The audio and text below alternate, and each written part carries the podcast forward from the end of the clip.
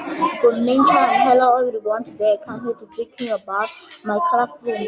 I love my classroom so much. My classroom has three uh, conditioner. It make me cool every day. And have one clock. It uh, can uh, it can watch time break time and we can watch the time go home and have the four life four life is four uh, life. And the chair is so beautiful but uh, the, the the table is so big and dirty uh, and I have four fans uh, I have four fans uh, so cool too.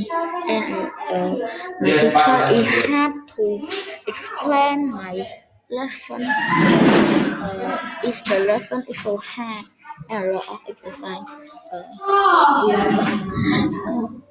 my class have one cupboard uh, finally I uh, finally I love my class I love my class room and my friend because it's so good for me